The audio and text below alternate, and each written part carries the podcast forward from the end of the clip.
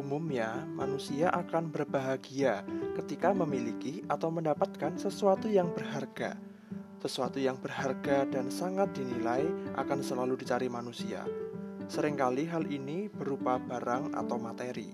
Terkadang hal ini berupa relasi atau ikatan atau pengalaman sehingga benar-benar dirasakan dan dialami secara langsung. Namun ada hal lain yang sangat berharga dan sayangnya orang-orang sering lupa, yakni hikmat.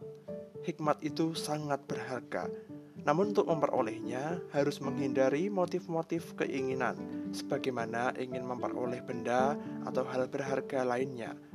Mengejar hikmat berarti panggilan untuk merendahkan hati, taat kepada Tuhan, serta mau belajar terus-menerus agar menjadi lebih baik upaya besar untuk memperoleh hikmat setara dengan berharganya hikmat itu. Amsal 8 ayat 18 sampai 19.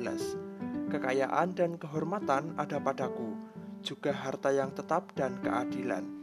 Buahku lebih berharga daripada emas, bahkan daripada emas tua. Hasilku lebih daripada perak pilihan. Hikmat yang berbicara sebagai pribadi mengatakan bahwa pada dirinya ada kekayaan dan hormat. Kekayaan ini bukan benda, tetapi hati, pengetahuan, dan pengalaman, dan itu semua jauh lebih berharga daripada barang apa pun. Pada hikmat ada hormat, yang berarti pengangkatan tinggi bagi derajat kemanusiaan.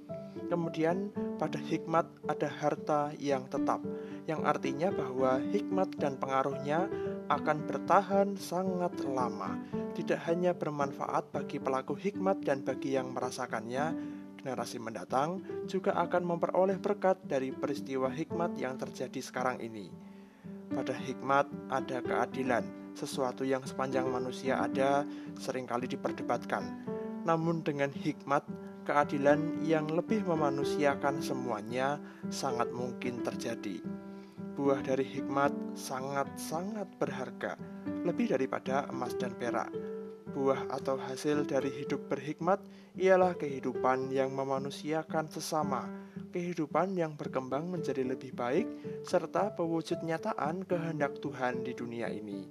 Dengan melihat bahwa sangat berharganya hikmat, kita memberi nilai setinggi-tingginya pada hikmat, sehingga kita akan mengupayakannya dengan sungguh-sungguh. Tanpa penghargaan terhadap hikmat, manusia akan menjadi ceroboh, egois, serta mengabaikan panggilan iman, yakni perintah Tuhan dalam hidupnya. Bersama dengan hikmat, kemanusiaan dijaga, ketentraman dijamin, kebaikan diwujudkan, keadilan ditegakkan, dan kehendak Tuhan dilakukan. Marilah dalam iman percaya kita yang takut akan Tuhan, kita selalu ingat untuk menghargai hikmat serta belajar untuk hidup berhikmat. Pegang hikmat itu senantiasa sebagai yang berharga di dalam hidup kita.